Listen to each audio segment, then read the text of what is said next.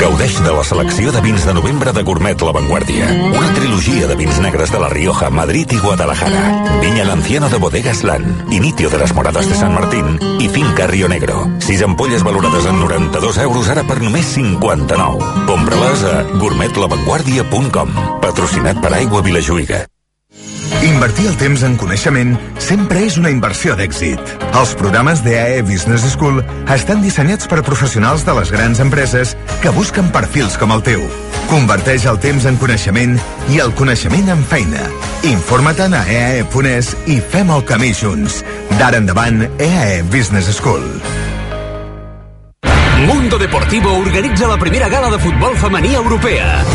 El proper 15 de novembre, les millors futbolistes de les 5 grans lligues europees es trobaran en un esdeveniment únic per ser premiades. El futbol es vesteix de gala amb Mundo Deportivo, amb el patrocini d'Estrella Damm, CaixaBank, Visa, Hyundai i Dazón. Si vols anar als grans espectacles, passa per entrades de vanguardia.com. Gaudeix de Cantando bajo la lluvia, Billy Elliot, Cirque du Soleil i molts més. Si ets del Club Vanguardia, aprofita els descomptes exclusius. Entrades de Vanguardia. L'espectacle comença aquí.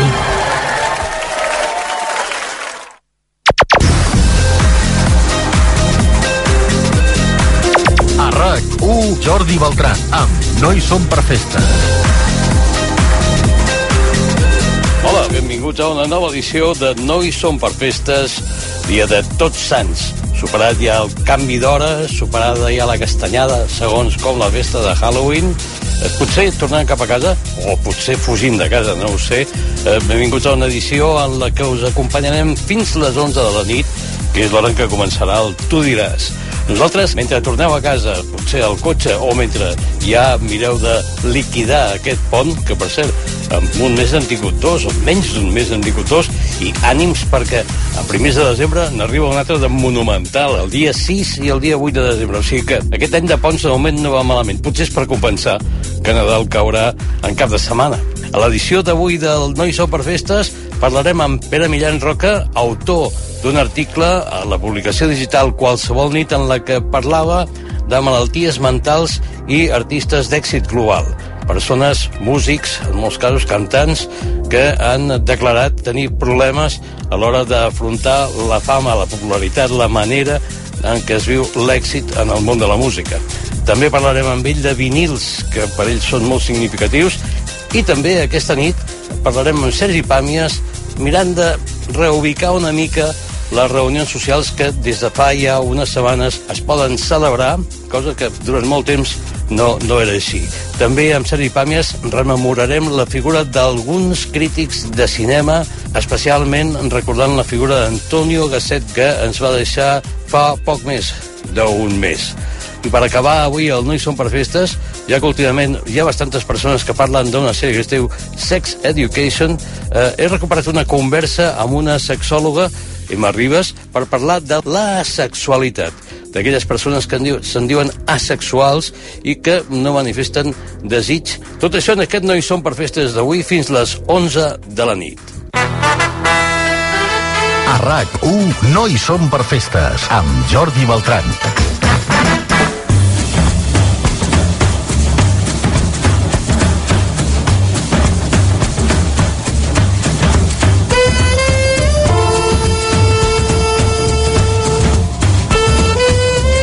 Ara us vull presentar una persona que es defineix com ésser humà, persona i periodista, no necessàriament en aquest ordre, que li agrada l'esport i la música, que són les seves passions, i es considera també, és col·leccionista de vinils, i el que més eh, m'ha cridat l'atenció és crooner frustrat.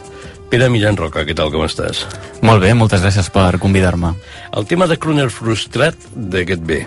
Doncs perquè ja des de la universitat la gent destacava molt que tinc com un to de veu greu, no? Mm. Potser no característic d'una persona de la meva edat, i bueno, com que els crooners tenen aquest també to de veu, no? Doncs... Bé, el motiu, més enllà de que em cridis l'atenció el tema de que es considera un crooner frustrat, és que va, va publicar a una, una publicació digital que es diu Qualsevol nit, que ens és mensual? És mensual o quinzenal? Bueno, al ser digital anem actualitzant Aneu? continguts quan anem fent coses. Eh, sí, cobertures de concerts, articles d'opinió, una mica de tot, sí, sí. I d'això ja fa més d'un any, no? Doncs, Qualsevol mira, nit. just enguany eh, celebrem el cinquè aniversari. Cinquè aniversari.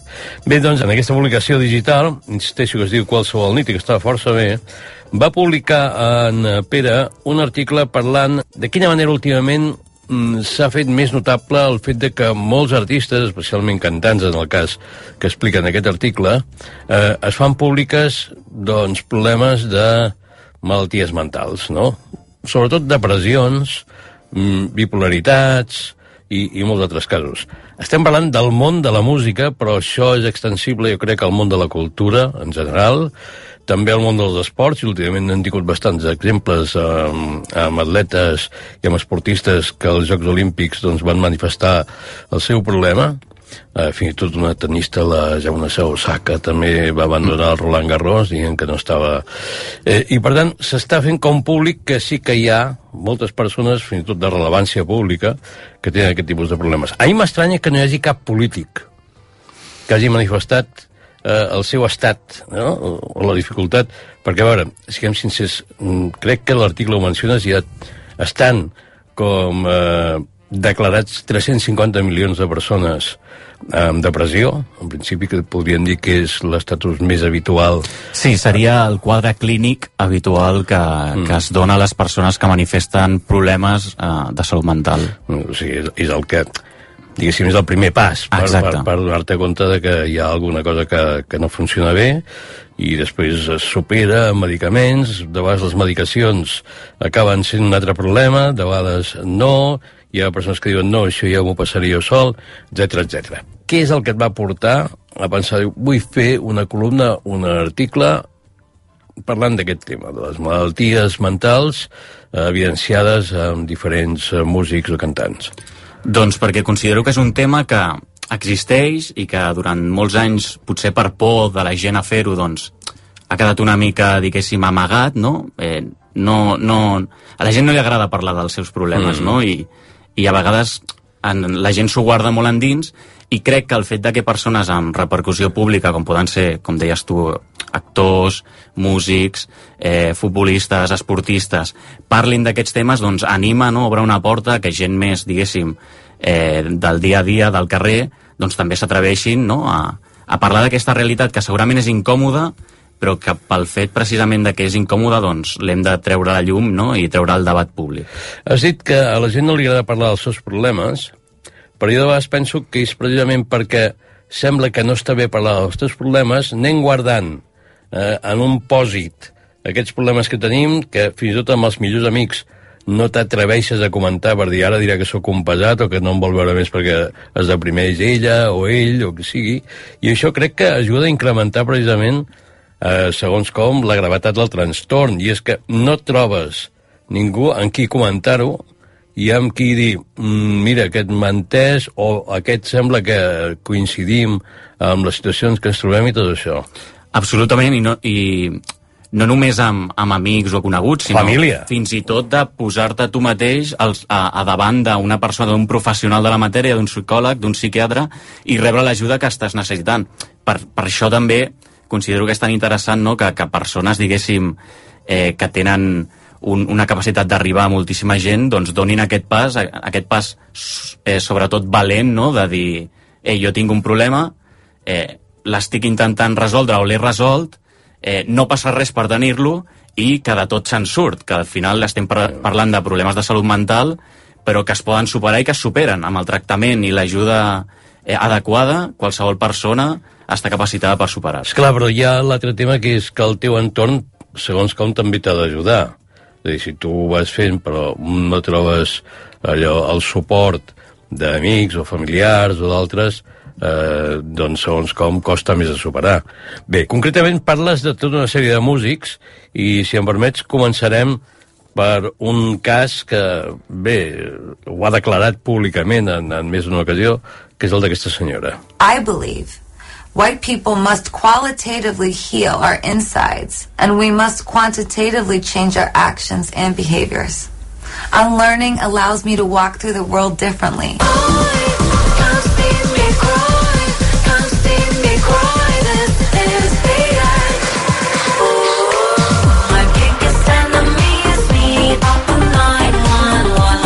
One One és una cançó de Lady Gaga que l'has escollit per un motiu especial. perquè Lady Gaga crec que ara és potser la Madonna del moment, no? la reina del pop, mm. llavors eh, bueno, aquesta cançó potser és on fa ella més evident no? a, a, aquest tema que també ha manifestat en, en entrevistes, com Sí. sí. estàvem escoltant, i vaig escollir la cançó per això, perquè és que ho fa molt evident, és, la cançó és molt, molt, molt directa, parla de petits monstres, mm. de problemes de la seva addicció als, psicopar als psicofàrmacs derivada d'aquests tractaments per resoldre eh, problemes de salut mental. En aquest cas, la Lady Gaga té diagnosticat un trastorn de bipolaritat mm -hmm. i també d'esquizofrènia, per tant, eh, és una persona que de les dues malalties que pateix de salut mental potser serien de les més greus i bueno, en aquesta cançó s'obre no, un canal, diguéssim, i explica obertament aquests petits monstres, monstres que ella la, la, la preocupen i la molesten i també, al final, el que fa també és un crit a, al, al buscar la solució, no? Al, al sí, eh, tinc petits monstres, sí, tinc problemes de salut mental, però alhora em poso en mans de, de gent professional i ho intento superar. Sempre ha estat extravagant, fins i tot histriònica ella, mm. però crec que hem de separar al final els elements, diguéssim, del personatge públic, artístic, no? Per exemple, em ve ara al cap David Bowie, no? També és un referent, Sí. no? Que també era molt histriònic, molt i tal, però que eh, hem de separar aquesta part de la part, diguéssim, més personal del realment patir un mm. problema que al final és de salut, no? Perquè si, Sí, traiem, sí. si traiem mental ens queda problema de salut mm. i al final és un tema de salut que s'ha de tractar i s'ha d'encarar de la mateixa manera que s'encara doncs, un refredat, s'encara una grip o s'encara quan et trenques un braç o et fractures el, el que sigui. No sé si és molt diferent el cas d'aquest senyor que escoltarem ara. You know, when I started off in Ch- Chicago as an artist, as a, uh, I'm a, a visual artist. Like I went to art school. Right. And I decided to start doing music, and people said it wouldn't work out. And then I started producing and selling beats, and I started selling beats. That's what I'm talking about. I'm a superhero. I'm a superhero.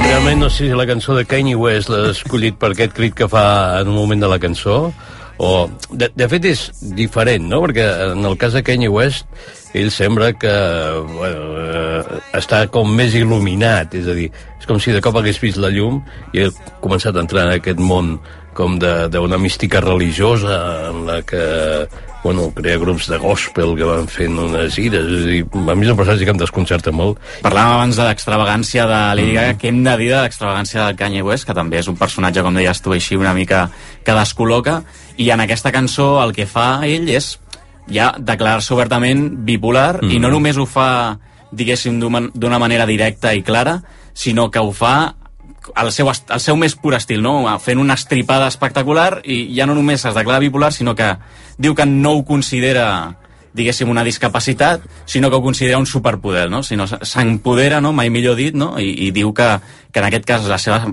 malaltia eh, no li impedeix ser un ésser humà, diguéssim, eh, amb, amb menys capacitats que, que una, una persona que no pateix aquesta malaltia, sinó al contrari, que, que li pot treure profit per encara ser millor que, que la resta, que bueno, és un posicionament que podríem discutir si, si Ja. té raó o si té sentit, fins i tot. Mm. Hi, I'm, hi, I'm Billie Eilish. Really hate myself. You know, Billie, what's wrong? I don't fucking know. keep you in the dark. What had you expected? Me to make you my art and make you a star and get you connected.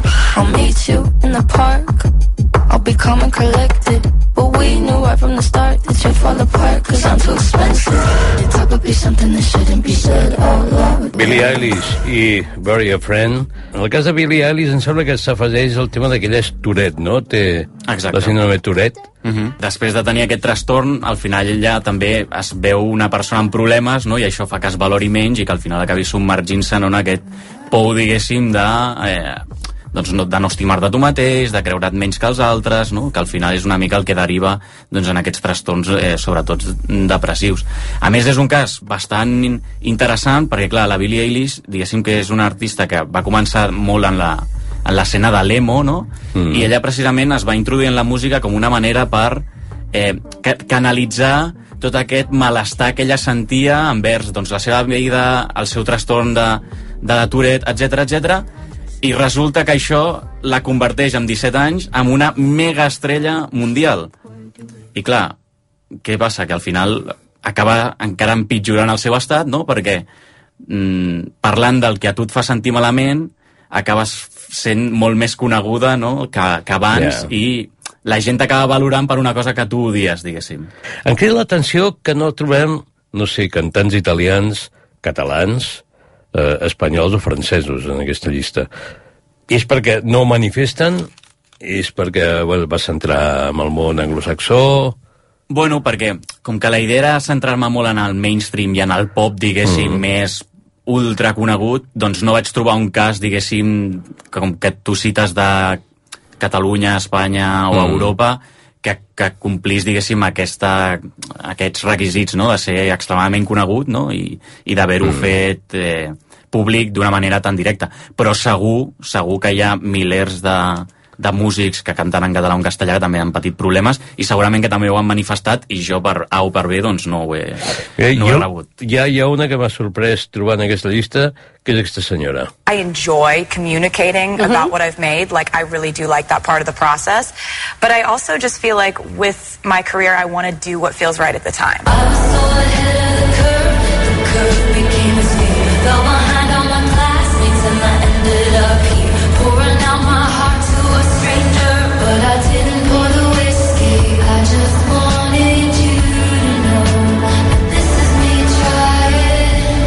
el títol de la cançó, és Me Trying, aquesta sóc jo intentant, i ella és Taylor Swift. No sé, la veia com en una altra esfera força diferenciada dels tres primers que hem mencionat, no? Bé, és un exemple clar no, de que qualsevol persona pot, mm -hmm. pot patir un problema d'aquests. En el cas de la, de la Taylor Swift, ella explica, ho explica en aquesta cançó, però també ho explica sobretot el documental que va estrenar a Netflix sobre la seva vida, sembla que va ser l'any passat, que es diu Sí. Miss Americana, està a Netflix, si algú el vol veure ja ho sap. Allà explica que ella eh, veia dia a dia doncs, imatges seves a les revistes, a internet, no? tretes per paparazzi, imatges que, diguéssim, no estan preparades, i que això va crear amb ella una gran incomoditat amb el seu cos, que van derivar amb trastorns alimentaris i amb una forta depressió que per sort doncs, ara sembla que ja ha aconseguit superar però en el seu últim disc Folklore, que, que va sortir ara durant la pandèmia, que diguéssim que potser és el seu disc més personal, que té un to bastant diferent al que ha fet ella, sobretot al llarg de la seva trajectòria. En aquest disc eh, ella eh, pues, explica aquesta experiència a través de la música de aquesta sóc jo intentant-ho, aquesta sóc jo intentant ser la millor versió de mi mateixa després d'haver superat els, els meus problemes. Le tengo miedo a los aviones. Antes le tenía miedo hasta verlo. Ya se me fue yendo, sí.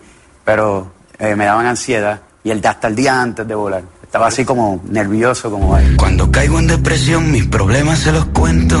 A la ventana del avión, el estrés me tiene enfermo. Hace 10 años que no duermo. El IRS me sigue investigando. Me estoy divorciando, pero no importa, yo sigo rimando. Ell és resident, toquem una mica l'escena llatina, i bé, i en aquesta cançó manifesta clarament un estat depressiu, no? Amb, amb tots els etiuts. Sí, exacte, i a més ho fan denunciant no, aquesta hipocresia no, que a vegades han de viure doncs, gent que es dedica a l'esfera pública no? i que de cap en fora s'han de mostrar com contents, feliços, han de fer un espectacle davant de milers de persones, animar-les, entretenir-les, però per dins no, se senten buides no? i se senten malament i com doncs, això al final acabes, acaba fent-los sentir fins i tot impostors, no? de, escolta, la gent em veu a mi com un exemple de com he de ser quan jo penso de mi mateix que sóc un, un desastre, no? I, i com aquest xoc no, entre la realitat que veu el públic i la realitat que viuen els artistes doncs eh, és, és, és interessant. És que, és clar, ara has eh, posat un exemple que també crec que manifesta un element importantíssim en totes aquestes crisis de salut mental, que és la baixada d'autoestima, no? En Sí. molts casos. Sí, sí.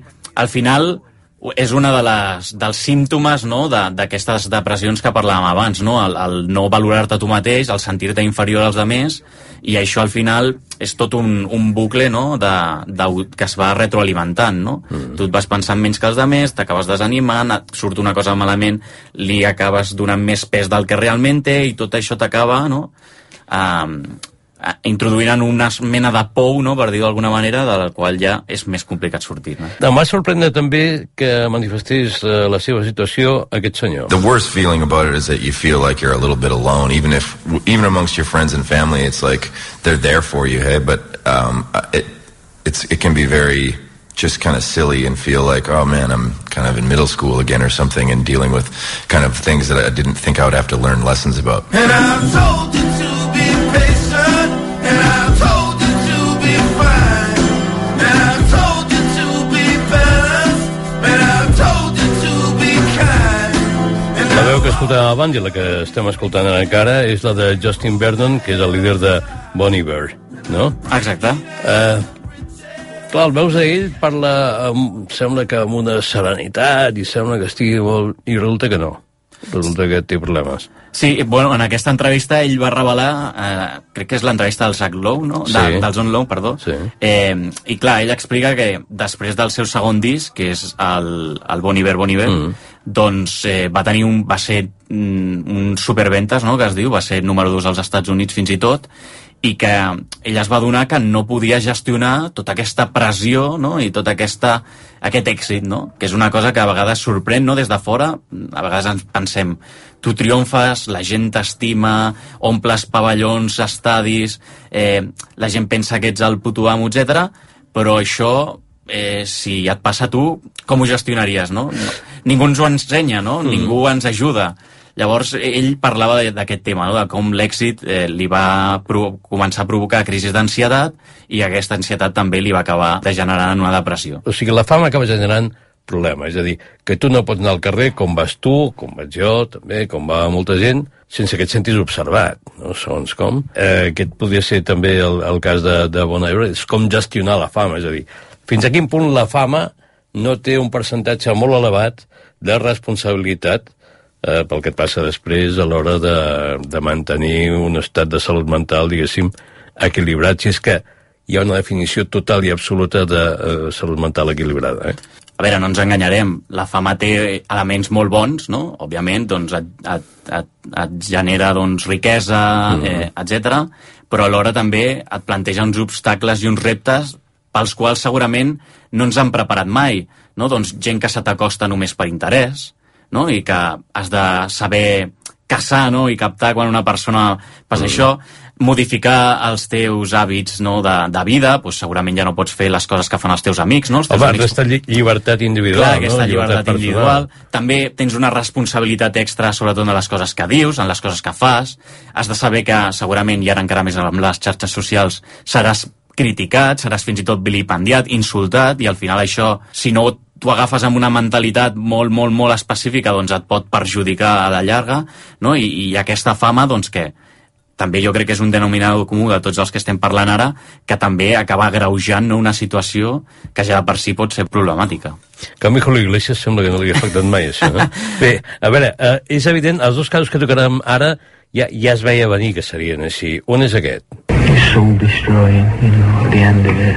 Said we'd never tour and we'll never do it. Lights are flashing, cars are crashing, getting frequent now. I've got the spirit, lose the feeling, let it out somehow.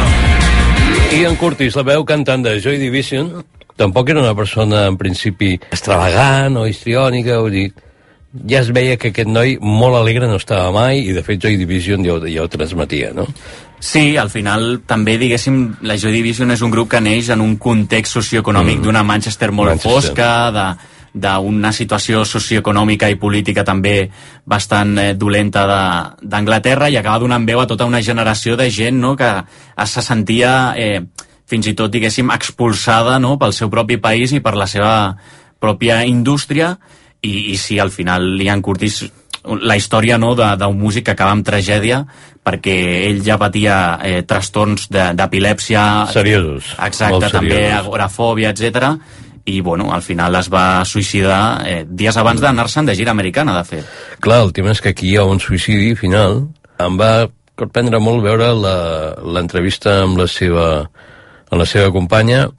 Una companya de la qual estava en procés de divorci Ja. durant eh, aquelles setmanes que van acabar amb el tràgic Ja. amb el tràgic I a més amb final. un criu molt petit, era una criatura Sí, sí, sí, de, de poc- res. d'un parell d'anys, com a molt, una cosa així.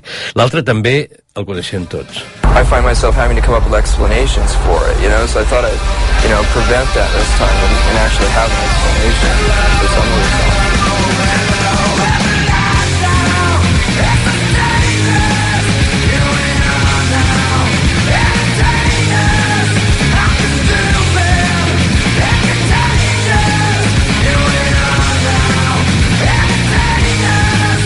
Kurt Cobain, eh, en molts casos, s'identifica directament amb abús de drogues.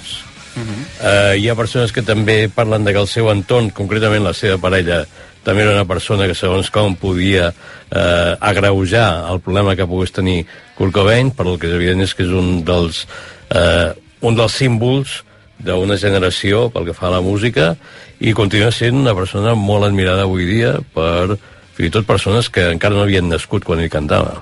Totalment, totalment. I és un cas del que parlàvem abans, que dius, què és abans, el problema o la solució que acaba sent part del problema, no? Què va ser?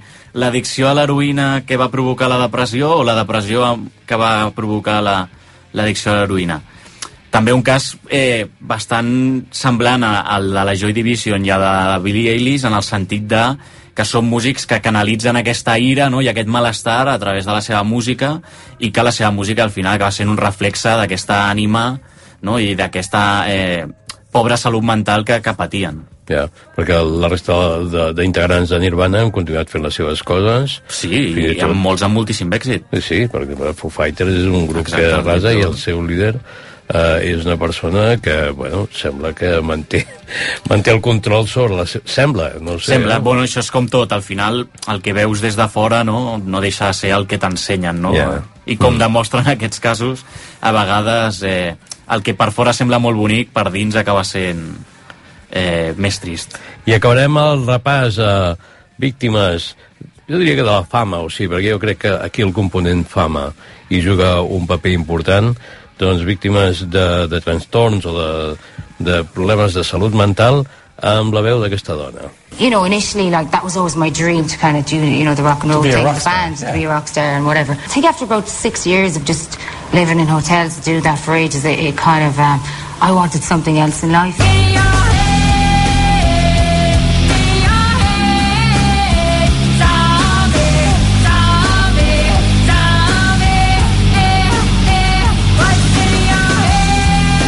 cançó que sembla que digui està bé, està bé, està bé, resulta que no estava tan bé, no? Segons com.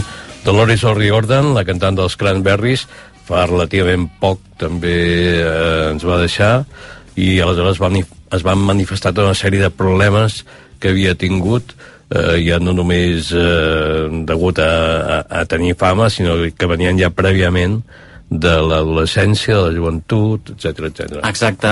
Es va saber que ella havia patit abusos sexuals des de ben petita, a més eh, per part d'un membre de la seva família, i també eh, va revelar que havia- s'havia intentat suïcidar, en aquest cas eh, l'any 2013, després d'haver- d'haver-se retrobat amb el seu violador, diguéssim, eh, amb el funeral del seu pare. Que, clar, és una situació també que te la imagines i penses, mare Déu senyor. Mm. I clar, doncs, al final aquests abusos que va patir de ben petita doncs, van generar un desequilibri que doncs, es va acabar traduint doncs, amb addiccions, amb un trastorn també d'anorèxia, se li va també diagnosticar un trastorn de bipolaritat, i per tant, bueno, al final una vida, diguéssim, marcada no?, per aquests trastorns eh, de salut mental que doncs, eh, li van dificultar molt la seva existència. Doncs estem parlant amb Pere Millan, que és l'autor d'aquest article que es va publicar al qualsevol nit el mes d'octubre. Sí, eh? exacte. A principis d'octubre, si no m'erro, la primera quinzena d'octubre. I, i, I hi ha molts més noms que podríem mencionar. Moltíssims, eh? moltíssims. Eh, alguns ja de consagrats, potser també diríem, home, si, si ho miréssim a fons, Mhm. ja... Però a part d'aquest repàs als personatges que apareixien en aquest article, i no tots ells apareixien, vull dir que hi ha més, més casos dels que apareixen en el- en l'article. Li vaig dir, dic, escolta, ja que ets col·leccionista de vinils, sí. que és no sé, avui ja no és tan rara avis, em sembla. No, de fet està de moda, no? Ara diuen que està de moda, però, clar, una cosa que sí que estigui de moda, si vas acumulant... En fi, dic, per què no em portes cinc vinils que per tu tinguin un especial significat? D'aquí un instant, cinc vinils que importen a la col·lecció de Pere Millán Roca, aquí. A RAC1 no hi som per festes, amb Jordi Beltran. Endavant, informatius.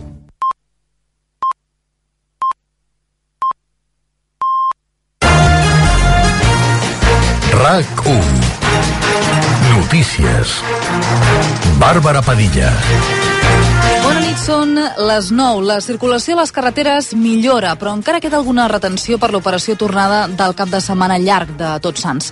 Connectem amb el RAC per conèixer quina és la situació a aquesta hora. Àlex Trallero. L'enllaç de la ronda litoral amb la C58 torna a gaudir de fluidesa després d'unes hores de congestions. A l'autovia A2 continuen els 7 quilòmetres de cues en el tram entre el Bruc i Esparreguera cap a Barcelona. Es redueixen molt lentament les retencions a l'AP7, però encara compten amb 8 quilòmetres des de Castellbisbal en direcció a Girona. Parlant també de l'AP7, l'autopista va per fi descarregada en tots els sentits de la marxa. A la província de Tarragona continuen encara, però, a aquesta mateixa autopista, les retencions en sentit nord. Hi han 16 quilòmetres de circulació densa des de Sant Vicenç de Calders fins als Monjos. Sembla ser, però, que milloren respecte a fa una estona. Pel que fa a les dues bandes del nord de Catalunya, tant la C16 a la comarca del Berguedà com la C14 a prop d'Oliana a l'Alt Urgell gaudeixen ja d'un bon flux viari. Ada Colau assegura que continuarà desplegant les superilles i ampliant els carrils bici a Barcelona. L'alcaldessa de Barcelona n'ha parlat a la cimera del clima de Glasgow, Escòcia. Allà ha aprofitat per reclamar al govern de la Generalitat i també a l'Espanyol més finançament per Rodalies i el transport públic. que apostin per les infraestructures que realment necessita la majoria de la població. Rodalies, els trens i el transport públic i no una ampliació d'un aeroport. Colau també ha dit que Barcelona està obrint camí en molts temes a nivell climàtic i que el model de la superilla és referència. Prop de 75.000 persones han visitat els cementiris de Barcelona durant la campanya de Tots Sants. La xifra supera la de l'any passat, però no arriba a les 84.500 visites del 2019. L'any passat hi va haver mm, 49.000 visites per les restriccions a mobilitat que hi havia en aquell moment a causa del coronavirus. El director general de Cementiris de Barcelona, Miquel Trapat, diu que la tradició d'anar al cementiri a visitar els difunts es manté. En aquells moments hi havia restriccions entre municipis, moltes famílies encara, lògicament, eren molt precavides a l'hora de sortir, sobretot de famílies amb gent gran, per tant, doncs, eh, molta, molta gent va demorar-ho, no? I per tant, doncs, aquest any doncs, estem veient doncs, doncs, la tradició continua i les famílies necessiten doncs, tenir aquest contacte amb els seus difunts en els cementiris. Segons l'Ajuntament, aquest any les visites s'han fet de manera esglaonada i s'han repartit entre el cap de setmana i el dia d'avui. A Ripoll, el segon jove buscat per l'assassinat d'una dona de 47 anys ahir al matí s'ha presentat a la policia i ha quedat lliure. Avui la policia ha detingut el fill de la dona com a presumpte autor del crim en una zona boscosa del municipi, però no se sabia res del jove que va fugir amb ell. Doncs bé, segons l'agència EFE, s'hauria lliurat a la policia hores després del crim i es troba en llibertat, ja que no tindria relació directament amb la mort de la dona. Mentrestant, el fill és a la comissaria dels Mossos a l'espera de passar les properes hores davant del jutge i denuncien a les xarxes socials l'agressió a una jove per part dels porters de la discoteca Waka, a Sant Quirze del Vallès. Va passar ahir a la nit i el fet s'ha conegut gràcies a un vídeo que s'ha fet viral a les xarxes socials. La Mariona, l'autora del vídeo, explica a Tarracú que es tractaria d'una agressió per motius racistes. Dos nois estaven passant per la porta de la discoteca, vaig veure com cinc fabuletes anaven contra ells, eh, dos, que és els que vaig gravar, van començar a fotre-li patades i, i punyetazos a full. La discoteca assegura que no té coneixement de l'agressió i s'ha negat a fer declaracions al respecte. La directora general d'Administració de Seguretat, Sònia Andols, s'ha interessat pel cas i l'alcaldessa de la ciutat veïna de Sabadell, Marta Ferrés, ha condemnat l'agressió a través de Twitter. Abans de la pandèmia, la Generalitat es va plantejar denunciar la discoteca per impedir l'accés a persones pel seu color de pell. I ara els esports, amb Joan Camí. El Barça ha comunicat fa uns minuts que el Kun Agüero ha estat sotmès a un procediment diagnòstic i terapèutic. És baixa i durant els propers tres mesos s'avaluarà l'efectivitat del tractament per determinar el seu procés de recuperació. El Barça ja ha aterrat a Ucraïna per jugar demà contra el Dinamo de Kiev. Els blaugranes han viatjat amb quatre altes, en Sofati, Dembélé, De Jong i Jordi Alba. Per altra banda, Agüero, Piqué, Pedri, Sergi Roberto i Braithwaite s'han quedat a Barcelona i no estaran disponibles per Sergi Barjuan. Avui es tanca la dotzena jornada de la primera divisió masculina amb dos partits. Fa uns minuts ha finalitzat el Rayo Vallecano 0, Celta 0 i ara a les 9 ha començat el Llevant Granada. La segona divisió masculina ja s'ha tancat la jornada 13 amb dos resultats, el Corcón 0, a Eivissa 2, Tenerife 4, Burgos 0. I el temps a la nit al cel quedarà serè a pràcticament tot el país i encara farà vent, sobretot a les comarques del sud i també a l'Empordà. Demà serà un dia de sol i núvols prims i baixaran les temperatures. A mitjans de setmana l'ambient serà més propi de l'hivern que no pas de la tardor.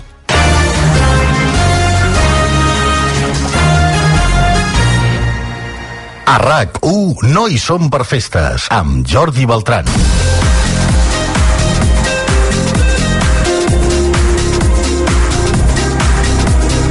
Segona part d'aquest No hi som per festes d'avui, dia de Tots Sants, mentre alguns esteu a la carretera, d'altres ja esteu a casa i d'altres no sabeu exactament on sou. Nosaltres ara tornem amb Pere Millan Roca per tal de conèixer cinc vinils que tenen un valor molt especial pel nostre convidat d'avui. A RAC1 no hi som per festes. Doncs estem parlant amb Pere Millan, que és l'autor d'aquest article que es va publicar al qualsevol nit la primera quinzena d'octubre. Mm, Ha fet una llista de cinc vinils que en algun cas m'han sorprès, com per exemple seria el cas d'aquest.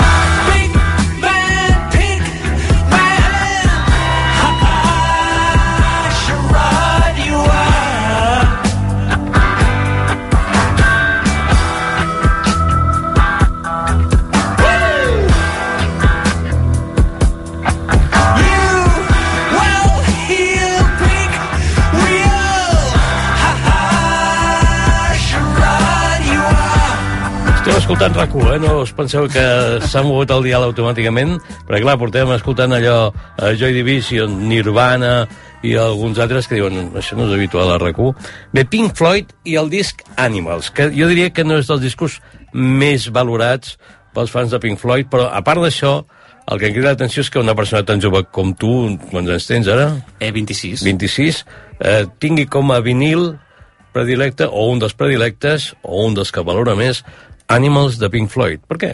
Bueno, l'explicació és bastant curiosa. Eh, bueno, els, els seguidors de Pink Floyd sempre s'han dividit no, entre el bàndol eh, pro eh, Roger Waters no? Mm. i el bàndol pro David Gilmour. No? I clar, eh, jo sóc dels únics, crec, dels pocs ja que quedem, que sempre ens hem eh, eh, significat més cap al costat del Roger Waters i clar, ell és l'autor... Vo- vo- Perdona, vols dir que ets dels pocs? Jo diria que la majoria és de Roger Waters, sí? eh? Sí. Jo crec que el, el fan més, diguéssim, eh, de Pink Floyd de l'època Mm. sí que és més Roger Waters, però actualment Sí? jo crec... Clar, és que el fet Jo, de jo que... soc dels de David, Gilmour, eh? És que jo crec que el fet de que el David Gilmour s'hagi quedat la marca no? i hagi fet carrera després amb, amb Pink Floyd sense ja la presència de Waters li ha, ja, li ha donat no, aquest avantatge, diguéssim, entre cometes. Però no, també de- alguns diuen, mira, de- quin traïdor, no? O sigui, Bueno, sí, sí, sí. Exacte, els de Roger exacte. Waters diuen, mira... Sí, sí, aquest- mira, és que a aquest sobre firma com Pink Floyd, poseu-vos un altre nom, no ens, no ens enganyeu. No, però tampoc ha fet tant com Pink Floyd, no? No, el de Division Bell i Ja. de feina, un parell de discos. Perquè als la- 90. la- l'altre ha fet gires a The Wall, Sí. que no Sí, s'acaba sí, mai sí, al sí, mur, eh? Sempre Bueno, ara, tirant. de fet, l'altre dia veia que n'anunciava un altre pels Estats Veus? Units. Sí, sí, sí, sí. O sigui que li va bé. I en quin moment vas arribar en aquest vinil, tu? Bueno, a mi m'agradava Pink Floyd, eh, el meu company de pis eh, era molt fan, mm. llavors me'ls va fer escoltar i jo sempre, bueno, lo típic que escoltes quan et diuen Pink Floyd, doncs el Dark Side of the Moon, Sí. no?, que són Wish les. Wish You Were Here, que és una mica el més conegut.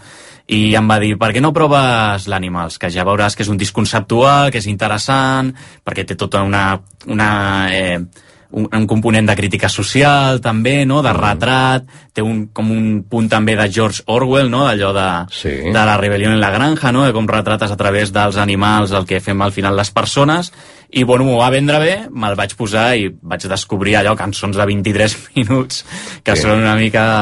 A, a mi és que m'encanten. Has intentat escoltar alguna vegada Uma Guma? Sí, i no l'he entès. Encara no sé, els, sí xiu, que- els xiulets aquells, encara no sé d'on surten. aquests sí que eren conceptuals, francament sí, difícil.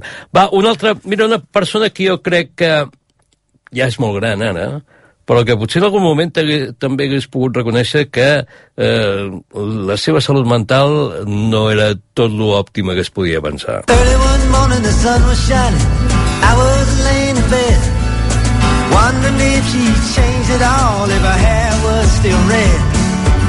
Folks, they our lives together sure was gonna be rough. They never did like Mama's homemade dress, Papa's banquet wasn't big enough. And I was standing on the side of the road, rain falling on my shoes. Heading up for the East Coast, Lord knows I paid some dues getting through. Tangled up in blue. Tangled Up in Blue era la cançó que obria un disc magnífic, que més va, va significar la tornada de Dylan al món de l'acústic, no? i que, bé, mm, jo diria que inclou algunes de les millors cançons de la seva carrera. Per què et vas quedar, o per què valores tant el vinil de Blood on the Tracks? Perquè és el primer amor, és el primer que em vaig comprar. Ah, sí? Llavors sempre tindrà una posició d'honor al... I per què te'l vas comprar? Perquè algú te l'havia recomanat perquè havia sentit una cançó? Jo sempre, des de ben, ben que vaig començar la facultat, em vaig aficionar molt al Bob Dylan Mm. i, bueno, l'etapa, diguéssim, elèctrica m'encanta, però el component aquest del Blood on the Tracks que bueno, té, ve tot d'una història de que ell ho va deixar amb la parella, Sí. llavors el disc que acaba sent el que ara es diu un disc de ruptura, no? que de fet l'Adele ara en traurà un sobre el seu divorci, doncs... Per, l'an- per l'anterior no ho era ja, jo és que tinc la sensació que Adele Bueno, sempre està, sempre està sí, en però- processos de ruptura, no sé és que, sí, però és el que deies tu, al final Blood on the Tracks també és com el retorn del Dylan a la primera plana després de l'accident de moto i després de tot un seguit de discos que han estat molt discutits, mm. no? I, I aquest Blood on the Tracks va ser una mica el, el, el primer disc dels 70 del Dylan que torna a tenir eh, èxit, no? Ja no només amb la crítica, sinó també amb, amb el públic. No, no, sí, va ser tot un retorn, francament, espectacular, dic, perquè jo ja tinc una edat en què em va agafar ja més o menys a, a la teva edat d'ara, diguéssim. Uh, un altre, mira, un altre cas d'aquells que també podria eh, haver passat, a lo millor, a la llista de uh, músics i cantants amb problemes de salut mental.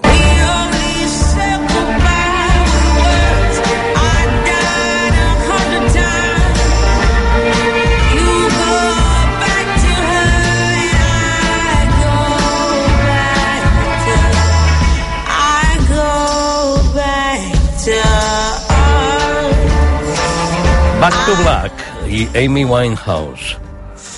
Mm, El vas comprar uh, abans de que es fes molt famosa? Uh, el vas, la vas descobrir quan ja era bé, una, una dona que cridava l'atenció per la seva manera d'actuar, de, de fer?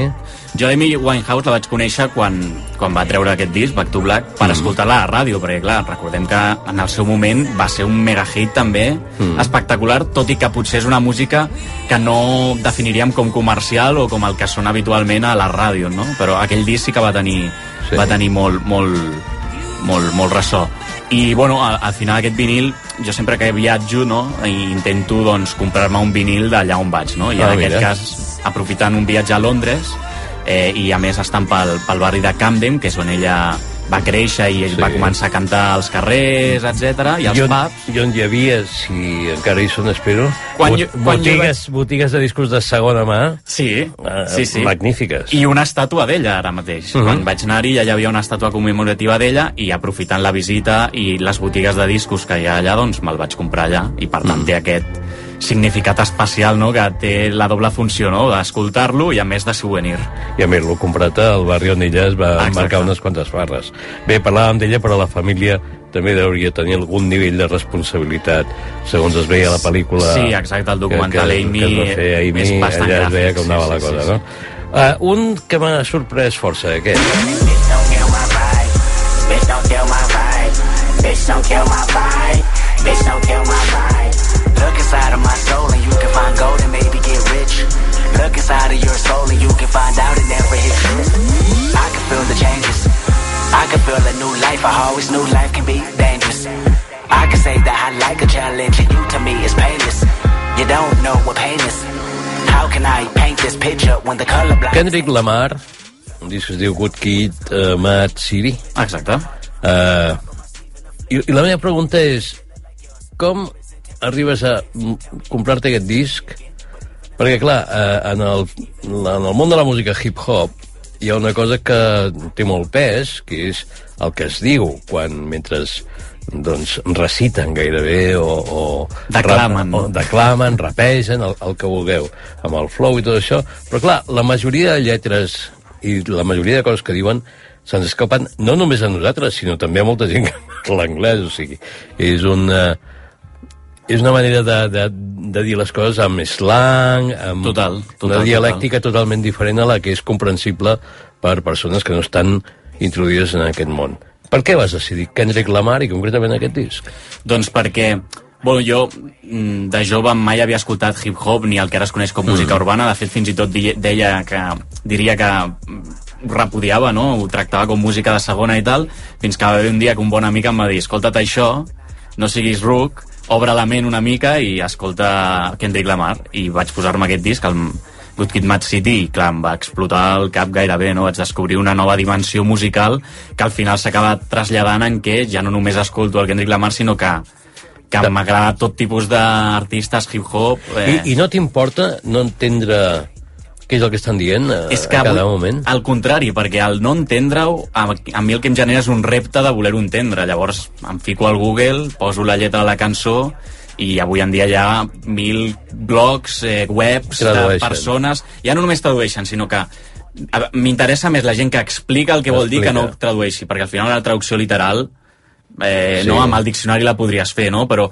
que algú que sí que ho entén, això que dius tu, que, que és de Los Angeles, no? O fins mm. i tot d'un estratus social semblant al que ell retrata en la seva música, no? I que ell ho expliqui, doncs al final eh, et dona una, antena, una capacitat d'entendre el que diuen i del que parlen que a vegades, bé, doncs la traducció literal no, no et Clar, genera però tant. la quantitat de coses que diuen, t'hi Sí, sí, sí. estona, eh? No, i a més aquest disc al final és una pel·lícula sonora, no? Perquè Ja, ja. comença explicant eh, cal trucar a la mare i quan tornaràs a casa i l'altre comença a explicar-li bueno, tornaré a casa, però ja veurem si torno a casa perquè al final també és un disc que confronta molt amb el tema de brutalitat policial contra la població afroamericana, etc etc. Mm. I, I a més que és un disc que em van portar a Los Angeles, que és d'on és el Kendrick Lamar i d'on es situa diguéssim aquesta pel·lícula, per tant té aquest doble valor també. No, no, més Kendrick Lamar era un dels figurons de- d'aquest uh, paisatge de, de música urbana. El que passa és que de vegades tens la sensació de que hi ha algú que t'està a l'orella, t'està fotent una, una, una bronca o que t'està allò donant la brasa, no? Diguéssim. No, no, està clar, al final la música també és un estat d'ànim i hi ha situacions on un Kendrick Ja. Lamar et pot fotre el cap com un bombo, no? Però amb d'altres, per exemple, no sé, fent esport, corrents o, sí. o quan necessites energia, doncs estupendo, va estupendo. I l'últim vinil que comentem amb el, amb el Pere és un clàssic. I read the news today, oh boy, about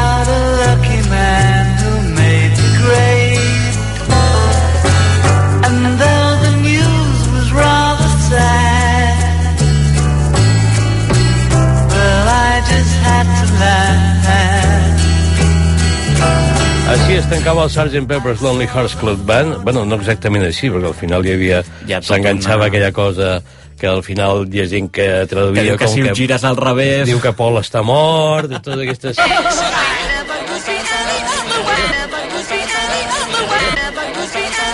O que Paul està viu ja no sé, eh, perquè realment... Però sí que recordo que amb el meu germà, quan vam, quan vam comprar el vinil, i clar, no l'havien escoltat mai, i al final va dir, hòstia, s'ha ratllat, està ratllat això, i no, no, vam veure que la cosa era una gracieta, cosa que amb Spotify s'ha perdut. Sí. No? O sigui, aquí no tens la versió de que pots estar un dia sencer escoltant Allò. això, però, en fi, per què el Sgt. Pepper's Lonely Hearts Club Band i no un altre disc dels Beatles? Doncs mira, la història ve de molt enrere perquè el meu professor de música a l'institut, eh, no sé si era segon o a tercer d'ESO, eh, Mhm. fèiem, diguéssim, història de la música, no? I quan vam arribar a la història de la música pop, ell ens va marcar el Sgt. Pepper's Lonely Hearts Club Band com el disc que canvia la música pop perquè comencen a gravar amb més pistes, Mhm. comencen a introduir-se instruments que no són propis de la música pop, comencen a introduir-se que sí... Eh, eh, diguéssim, eh, vents, eh, pianos diferents, instruments, diguéssim, també que portaven de la, dels viatges a la Índia, etc etc. no? I clar, això em va cridar l'atenció, el vaig començar a escoltar amb, amb els recursos que teníem a l'època, que, era, que és, me'l vaig baixar per l'Emule, mm. i ja després, quan vaig començar la col·lecció, la segona o tercera vegada que vaig sortir a comprar discos, el vaig trobar aquí al carrer Tallers i vaig dir, ha de ser meu, perquè, perquè és un disc, diguéssim, de, de primer. Clar, tu ets molt jove. Per què el vinil? Que, que, eh, o sigui, tu què diries que t'aporta el vinil que no t'aporta, a part del, de la coberta, de l'objecte i això? Bueno, al final té una textura al so, diguéssim, més eh, eh, no digital, no? Eh, que, que ara, al final, avui en dia, amb les produccions actuals, ja tot s'ha igualat molt i tot sona molt... Tot està comprimit. Clar, exacte. La compressió màxima. Exacte. En canvi, el vinil conserva no, aquest flaire i aquest Mm. so, diguéssim, eh, que no és digital i que li otorga un plus no, a, a l'escoltar la música. A més, si, si tens un equip, diguéssim, una mica amb carelluts, doncs pots escoltar encara mm. el so de l'agulla, tal, i El té... pot-rock. Clar, exacte, acaba tenint un component també romàntic, no?, Mm. que, que, que a mi m'agrada. Doncs bé, podríem dir que ets una persona romàntica? Bueno, això t'ho hauria de dir un altre. Qui toqui. Exacte. Qui toqui. Exacte. Bé, Pere Millan Roca, gràcies per haver vingut avui, gràcies per l'article del Qualsevol nit. Uh, uh, bé, posant de manifest que ja hi ha artistes, o sigui, persones que són molt populars, molt famoses, que reconeixen que, a veure, que tenen problemes a l'hora de d'intentar mantenir un equilibri en la seva vida eh, degut a la salut mental i, escolta, endavant. He de dir que el Pere Millan ja coneixia aquesta casa perquè va estar un any al món RQ. Bon, un any, un semestre. Un semestre. Sí, i després un estiu a esports. I un estiu a esports. O sigui que ja sap de quin pal, de quin pal anem. Com les gasteu, sí, sí, sí, com sí. que el sem aquí a RQ. Gràcies novament per tota la música que hem pogut escoltar i per la teva feina, que vagi molt bé, molta sort. A tu per convidar-me i per donar veu a un tema que crec que s'ha de visibilitzar i que és interessant que se'n pugui parlar a la ràdio i a més en una ràdio amb, amb tant renom i tanta audiència com RAC1. Eh, a més, hem de... No, no ho hem mencionat, però precisament la pandèmia ha aguditzat Absolutament. fins i tot eh, casos que a lo millor eren inexistents o d'altres que no s'havien percebut o no s'havien detectat i la pandèmia ens ha posat molt a, a un punt de certa dificultat mm, a l'hora d'enfrontar-se a què és el que ens passa, no? perquè molta gent diu, és que no estic igual, ni ho veig igual, Absolutament, ni, ni, absolutament, i a més, em sento igual. en gent de totes les edats, eh, que a vegades sembla que això eh, estigui com molt relacionat amb la gent jove, no?, tal, però no, al final afecta a gent de tota de tot tipus d'edats i de tot tipus d'estatus social. i D'ampli espectre, Ah, podríem exacte. dir-ne. Uh, el que et deia, gràcies per tot, Pere, ah, que vagi molt bé. No hi som per festa. Amb Jordi Beltran. Què tal? En uns moments, Sergi Pàmies, aquí al No hi som per festes, per parlar de la recuperació de les reunions socials. El temps és or i el teu també és futur. Estudia l'Executive MBA DAE Business School i compagina el temps d'estudi amb la teva vida laboral perquè inverteixis en futur mentre aprofites el present. Fes el salt que necessita la teva carrera al nostre costat. Informa-te'n a eae.es. D'ara endavant, EAE Business School. Mundo Deportivo organitza la primera gala de futbol femení europea. El proper 15 de novembre, les millors futbolistes de les 5 grans lligues europees es trobaran en un esdeveniment únic per ser premiades. El futbol es vesteix de gala amb Mundo Deportivo, amb el patrocini d'Estrella Damm, CaixaBank, Visa, Hyundai i Dazón. Crisi climàtica? Emergència climàtica? Canvi climàtic? Ara toca actuar. RAC1 i Akbar presenten el RAC1 de Pensar, un espai que ocasionalment aborda en format monogràfic les transformacions, els canvis o les tendències que configuren una nova realitat i afecten el nostre futur. La salut del nostre planeta empitjora. Encara hi ha alguna cosa a fer, però cal actuar. RAC1 de Pensar, amb Mònica Usar. El canvi que viu el nostre planeta s'ha convertit en una emergència. Què podem fer per revertir la situació climàtica? L'aigua no es fabrica en una fàbrica, l'aigua està la natura i torna a la natura, amb la qual tota la part d'ecosistemes naturals, de biodiversitat que envolta les fonts d'aigua, per nosaltres són tan importants com la pròpia aigua. rac de pensar. Escolteu-lo a l'APP de rac i a rac1.cat. RAC1. Davant el canvi climàtic, tots som 1. Ja he acabat la compra online a Carrefour. T'has recordat de les galetes, els ous i els iogurts? Sí, han sortit gratis. I com t'ho has fet? Ara, amb la targeta del Club Vanguardia, podem estalviar fins a 30 euros cada mes al supermercat online de Carrefour. Ser subscriptor surt a compte. Descobreix aquest i molts més descomptes a clubvanguardia.com. RAC, RAC, 1. Si són les 7, Això és Islàndia. Si són les 7, això és Islàndia. si són les 7, això és Islàndia. Islàndia, un programa que sempre comença igual però que no saps mai com continua. Existeix Cànoves i el Perrús? Hòstia, el Perrús no. Home, seria molt ben parit que existís el Perrús, eh? que no som uns monstres, que l'únic que fem és estimar persones del mateix sexe. Vídeos bastant curtets, no?, amb alguna I coreografia. fets d'aquella manera que ens havien dit que no s'havien de fer. Verticals. A veure, esteu 20 anys dient gilipolles a la gent que els feia verticals. Islàndia, cada tarda a les 7 amb Albert Om. RAC 1. Tots som u. RAC 1. Hola, Sergio El Cunagüero, ¿qué tal? Buenas noches. Buena nit, ¿no? ¿Eh?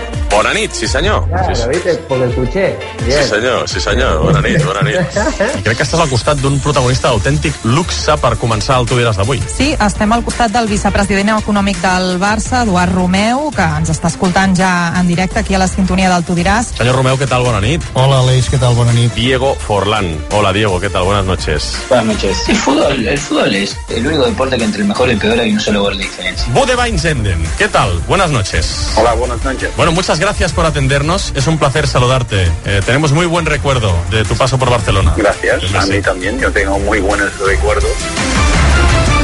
Les nits de rac són esportives. De dilluns a diumenge, a partir de dos quarts d'onze, tu ho diràs, amb Aleix Pariser. Es lo que hay. RAC 1. Tots som u. A mi em van, em van trencar el vidre lateral posterior esquerre del vehicle i em van robar una maleta i també van poder accedir al, al maleter a través dels sents de darrere i em van robar també una bossa. Ens vam deixar el cotxe aparcat, vam anar a dinar i quan vam tornar al migdia ens vam trobar d'aquesta manera amb el vidre trencat i, i sense, sense la maleta. La veritat és que coneixem també altres casos i de vegades penses que és més segur deixar el vehicle fora al carrer que no pas en un aparcament d'aquests. Vam trobar el nostre cotxe amb el vidre trencat, tot remenat perquè tenien bosses de coses d'esport i tot això. No van robar res perquè no portàvem no sé què busquen i ho hem comentat amb més gent que aparcaven allà i es veu que ha passat a bastanta gent. Fa cosa que no hi hagi vigilància, crec que abans hi havia. Participa al programa. Envia un missatge de veu al WhatsApp del món a rac al 669 10 10 10. 669 10 10 10. RAC 1. Tots som u.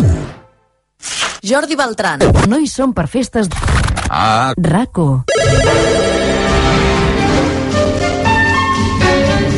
Avui el no hi som per festes, amb el Sergi Pàmies, què tal, com estàs? Què tal, com anem? A veure, van tenir la idea de, ara que ha tornat la possibilitat de fer reunions socials, que és allò que, que tant trobàvem a faltar a l'època de la pandèmia, dic, per què no parlem d'una mica de, de com ens sentiu en aquestes reunions socials? Això inclou des de casaments fins a funerals segons com, eh, presentacions de llibres, festes sorpresa, és dir, tot allò que ambienta i li dona color i cos a la reunió social i que fa que sigui tan imprescindible per a algunes persones, no?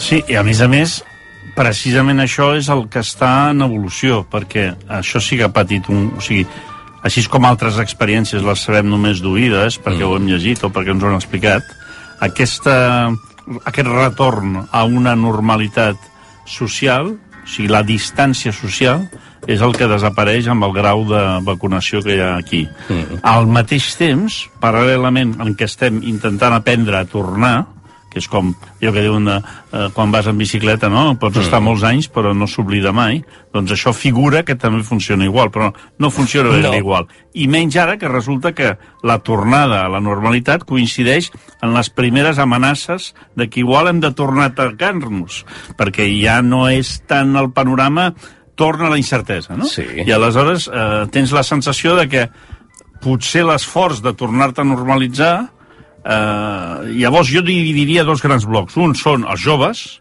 perquè Sí. els joves sí que d'alguna manera ho necessiten o, o ho han convertit en una necessitat. No és tant que ho necessitin, sinó que eh, forma part del seu, de la seva agenda sortir, comunicar-se, mentre que els adults i els més adults encara doncs estan en una fase, almenys jo parlo per mi, eh?